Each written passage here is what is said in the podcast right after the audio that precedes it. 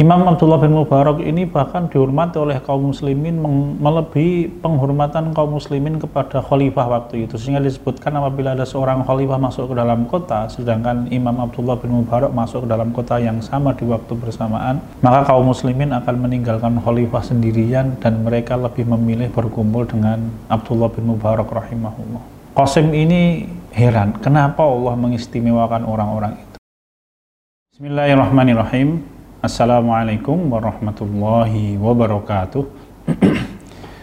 Alhamdulillahirrabbilalamin Wabihi nasta'inuhu ala umri dunya wa din. Asyhadu an la ilaha illallah rabbul alamin Asyhadu anna muhammadan abduhu wa rasuluh.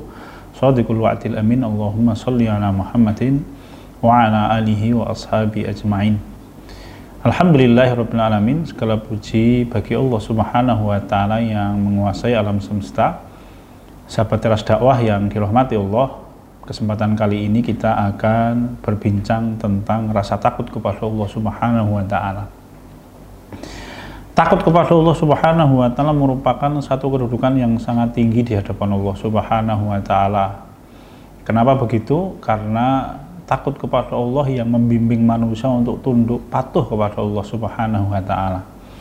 Takut kepada Allah adalah sifat yang dimiliki oleh orang-orang alim, orang-orang yang dekat dengan Allah Subhanahu wa taala. Allah menyampaikan innama yakhshallaha min ibadihi ulama. Sesungguhnya orang-orang yang takut kepada Allah taala hanyalah hamba-hamba Allah yang alim. Jadi rasa takut kepada Allah ini satu keistimewaan yang diberikan oleh Allah taala kepada siapa pun yang dikehendaki oleh Allah Subhanahu wa taala. Ada satu kisah Disampaikan oleh Al-Imam Qasim bin Muhammad bin Abi Bakar rahimahullah, seorang ulama besar tabi'in. Beliau kagum dengan seorang ulama besar tabi'ut tabi'in Ibnu Mubarak. Sebenarnya levelnya di bawahnya dari sisi generasi Ibnu Mubarak itu. Qasim bin Muhammad rahimahullah ini heran kenapa Al-Imam Ibnu Mubarak diberikan oleh Allah Ta'ala banyak kelebihan Beliau ini adalah orang yang mustajab doanya. Sampai dikisahkan suatu saat ada seseorang yang buta kemudian mendatangi beliau ya mencari beliau selama bertahun-tahun begitu bertemu kemudian menyampaikan wahai imam aku buta aku mohon kepadamu doakanlah agar aku sembuh dari kebutaan. Begitu didoakan maka kemudian orang itu sembuh. Saat itu pula dan yang mengisahkan menyampaikan aku melihat peristiwa itu Imam Abdullah bin Mubarak ini bahkan dihormati oleh kaum muslimin melebihi penghormatan kaum muslimin kepada khalifah waktu itu. Sehingga disebutkan apabila ada seorang khalifah masuk ke dalam kota sedangkan Imam Abdullah bin Mubarak masuk ke dalam kota yang sama di waktu bersamaan maka kaum muslimin akan meninggalkan khalifah sendirian dan mereka lebih memilih berkumpul dengan Abdullah bin Mubarak rahimahullah. Qasim ini heran kenapa Allah mengistimewakan orang-orang itu Sampai satu kesempatan Qasim bin Muhammad dan para ulama yang lain punya kesempatan mengadakan satu rehlah bersama dengan Al-Imam Abdullah bin Mubarak rahimahullah. Di dalam rehlah itu mereka berjihad bersama-sama, mereka berdakwah bersama-sama, beramar ma'ruf nahi mungkar bersama-sama. Mereka sholat berjamaah bareng-bareng, kemudian mereka membaca Quran, saling muzakaroh dan Qasim mengatakan apa yang kami kerjakan sama dengan apa yang dikerjakan oleh Abdullah bin Mubarak. Sehingga dari sisi fisik Al-Imam Abdullah bin Mubarak tidak punya banyak keistimewaan dibanding dengan ulama-ulama besar waktu itu. Tapi ulama loh ya ini standarnya ulama, bukan orang awam seperti kita. Hingga suatu saat kemudian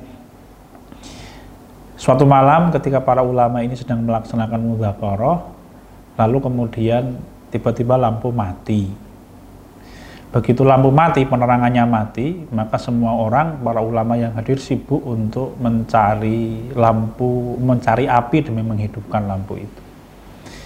Ketika lampu itu kemudian bisa dihidupkan kembali setelah mendapatkan api, Qasim bin Muhammad bin Abi Bakar rahimahullah mendapatkan keistimewaannya Imam Abdullah bin Mubarak itu. Apa itu? Rupanya begitu lampu mati itu, semua orang sibuk mencari api untuk kembali menghidupkan lampu. Rupanya kegelapan malam itu mengingatkan Al-Imam Abdullah bin Mubarak rahimahullah dengan beratnya alam barzah.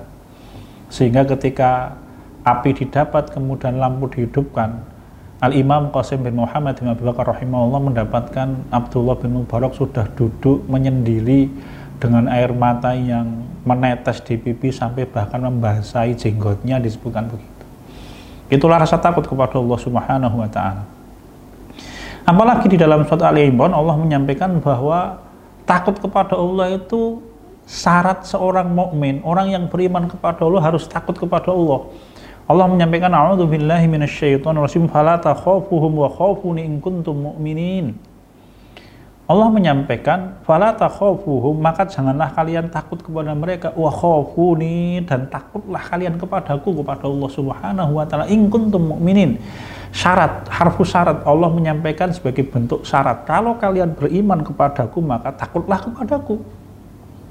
Sehingga apa? Tidak mungkin sifat takut kepada Allah ini hilang dari seorang mukmin, tidak mungkin. Dia akan selalu tertanam di dalam hati seorang mukmin apa pun keadaannya, bagaimanapun keadaannya. Meskipun memang kemudian tingkatan rasa takut kepada Allah Subhanahu wa taala ini berbeda-beda, ya. Berbeda-beda. Nanti ada orang yang rasa takutnya kepada Allah besar sehingga dia tunduk patuh kepada Allah dalam semua keadaan. Ada orang yang rasa takutnya timbul tenggelam. Secara umum dia masih beriman kepada Allah Subhanahu wa taala, tetapi keimanannya tipis, ya. Sahabat teras dakwah yang dirahmati oleh Allah Subhanahu wa taala, di dalam Al-Qur'an Allah taala ketika menyampaikan rasa takut menggunakan beberapa istilah satu Allah menyebutkan dengan istilah khauf tadi Allah menyampaikan fala takhafuhum wa khafuni in kuntum mu'minin. Apa itu khauf? Khauf itu Al-Imam Ibnul Qayyim Al-Jauziyah rahimahullah menukilkan perkataan Abdul Qasim Al-Junaid. Khauf itu adalah rasa khawatir yang dimiliki oleh seseorang karena dia khawatir tertimpa suatu bencana atau keburukan sepanjang tarikan napas. Kalau kita sebagai seorang mukmin bentuknya adalah rasa khawatir dan takutnya manusia kepada seksa Allah Ta'ala selama dia hidup di dunia ini. Itulah khauf. Kecenderungannya maka khauf ini adalah rasa takut yang muncul karena kuasa Allah tanpa batas, keagungan Allah Subhanahu wa taala tanpa batas, dan beratnya siksa Allah Subhanahu wa taala yang tidak ada batasnya. Kita memohon perlindungan kepada Allah taala. Tuhan kita, Allah taala, penguasa alam semesta itu adalah Rabb yang lemah lembut, sangat pengasih. Dia penyayang, apalagi dia maha penyayang, tidak hanya penyayang. Dan Allah itu syakur, innallaha wafurun syakur. Apa makna syakur? Syakur itu maknanya amal soleh yang kecil akan dibesarkan pahalanya oleh Allah Subhanahu wa taala. Tapi ingat, Allah memiliki siksa yang sangat pedih. Dua hal ini harus kita tanamkan di dalam hati kita seimbang. Ya. Nah, orang-orang yang beriman, dia punya harapan besar akan ampunan Allah Ta'ala, tapi di sisi lain mereka sangat takut dengan siksa Allah Subhanahu Wa Ta'ala. Bayangkan, Allah Ta'ala menyampaikan, A'udzubillahi minasyaitonirrajim, kullama nadijat juludum baddalnahum juludan ghairaha liyadhuqul azab. Allah menyebutkan tentang seksanya kepada orang-orang kafir. Setiap kali orang kafir itu kulitnya mateng di dalam siksa api neraka, badalnahum dan ghair. Aku ganti dengan kulit yang baru. Liyadzukul adab agar dia merasakan sakitnya siksa itu. Orang-orang yang beriman ketika mendengar ayat-ayat seperti itu sampai pingsan bahkan ada seorang sahabat muda yang ketika Rasul kita Muhammad Shallallahu Alaihi Wasallam berkhutbah tentang negeri akhir kemudian sahabat itu pingsan ya begitu dia siuman Rasul kita mengucapkanlah la ilaha illallah. Kemudian anak muda itu mengucapkan la ilaha illallah. Di dalam satu riwayat kemudian anak muda itu meninggal di dalam pelukannya Nabi kita Muhammad Shallallahu Alaihi Wasallam saking takutnya kepada siksa Allah Subhanahu Wa Taala. Yang kedua Allah Ta'ala kadangkala di dalam Al-Quran menggunakan istilah khasyah. Allah menyampaikan a'udzu billahi minasyaitonir rajim innama yakhsyallaha min ibadihil ulama. Apa itu khasyah? Sesungguhnya orang yang khasyah kepada Allah hanyalah hamba-hamba Allah yang alim. Apa itu khasyah? Khasyah itu kalau Imam Ibnu Qayyim al-Jauziyah menyampaikan al-khaufu makrunun bi ma'rifah rasa takut yang muncul di dalam hati seorang manusia karena dia mengenal betul Allah Subhanahu wa taala. Ya. Dia mengenal kasih sayang Allah, dia mengenal kuasa Allah, maka dia takut kepada Allah. Itulah khosyah. Bedanya antara khauf dengan khosyah itu seperti apa? Kalau pengibaratan yang disampaikan oleh Al-Imam Ibnul Qayyim Al-Sauziyah, khauf itu seperti orang yang dia melihat, mengetahui bahwa musuh sudah datang untuk menyerbu maka yang dia kerjakan, dia lari menghindari musuh. Itu khauf. Bagaimana dengan khosyah? Khosyah itu ketika seorang tahu musuh menyerbu, maka dia masuk ke dalam satu benteng atau satu tempat yang mana tempat itu menjamin keamanannya dari serangan musuh sehingga dia merasa tentram di dalam tempat itu karena dia tahu serangan musuh tidak akan sampai ke tempatnya dan dia pasti bisa bertahan. Itulah khosyah. Ya.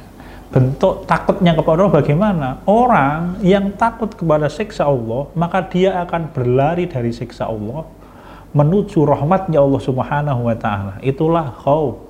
Sedangkan khosyah adalah orang yang dia kemudian mendekatkan diri kepada Allah, dia cinta kepada Allah, dia taat patuh kepada Allah Subhanahu wa taala yang menjamin dia selamat dari siksanya Allah Subhanahu wa taala. Maka model yang kedua ini kedudukannya lebih tinggi. Dia akan dimiliki oleh orang-orang yang memahami siapa itu Allah Subhanahu wa taala. Ada satu kisah.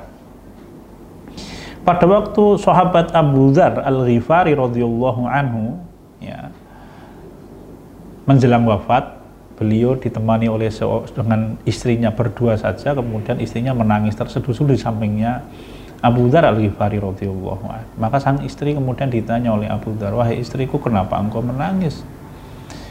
Maka istri Abu Dhar menyampaikan mungkin kalau bahasa kita ya saya khawatir dengan nasibmu wahai suamiku dan lain-lain dan lain-lain. Maka Abu Dhar al-Ghifari menjawab ini tidak sombong tidak menganggap dirinya suci dari kesalahan. Tetapi Abu Dhar adalah orang yang memahami bahwa dia sepanjang hayat sejak dia masuk Islam, dia berlaku setia kepada Allah 100% ya, totalitas lah. Dia tidak pernah meluangkan waktu kecuali dia berusaha keras untuk taat kepada Allah dan taat kepada Rasul Muhammad SAW tanpa menganggap dirinya suci dari kesalahan. Dan tapi dia tahu persis bahwa dia sudah berusaha keras sepanjang hayat, tidak ada waktu kecuali dia pakai untuk mentaati Allah Taala. Maka Abu Dalal Ghifari menjawab, wahai istriku, ketahuilah, kalau aku mati, maka aku hanya akan bertemu dengan Tuhanku yang maha pengasih yaitu Allah dan aku akan bertemu dengan kekasihku yaitu Rasul Muhammad Shallallahu Alaihi Wasallam. Nah, ini rasa yang muncul dari apa? Dari khosyah kepada Allah Subhanahu Wa Taala. Yang ketiga Allah Ta'ala kadangkala menyebutkan di dalam Al-Quran takut kepada Allah dalam bentuk rohabun ya wa iya ya farhabun dan hanya kepada kulah kalian semuanya harusnya takut ya. Rohbah ini maknanya adalah Imam Ibnul Qayyim al ya rahimah menyampaikan seseorang meneliti sesuatu setelah dia meneliti dengan detail ya akhirnya kemudian dia tidak suka karena dia tahu itu membahayakan dirinya kemudian dia akan bergerak menjauh. Itulah rohbah ya kalau terkait dengan firman Allah wa iya ya farhabun dan hanya takutlah engkau kepadaku maka apa maksudnya seorang mukmin dia tahu persis dan dia meneliti bahwa siksa Allah itu menakutkan dia tahu bahwa neraka Allah Subhanahu wa taala itu satu tempat yang mana tidak ada makhluk yang bisa bertahan di dalam tempat itu.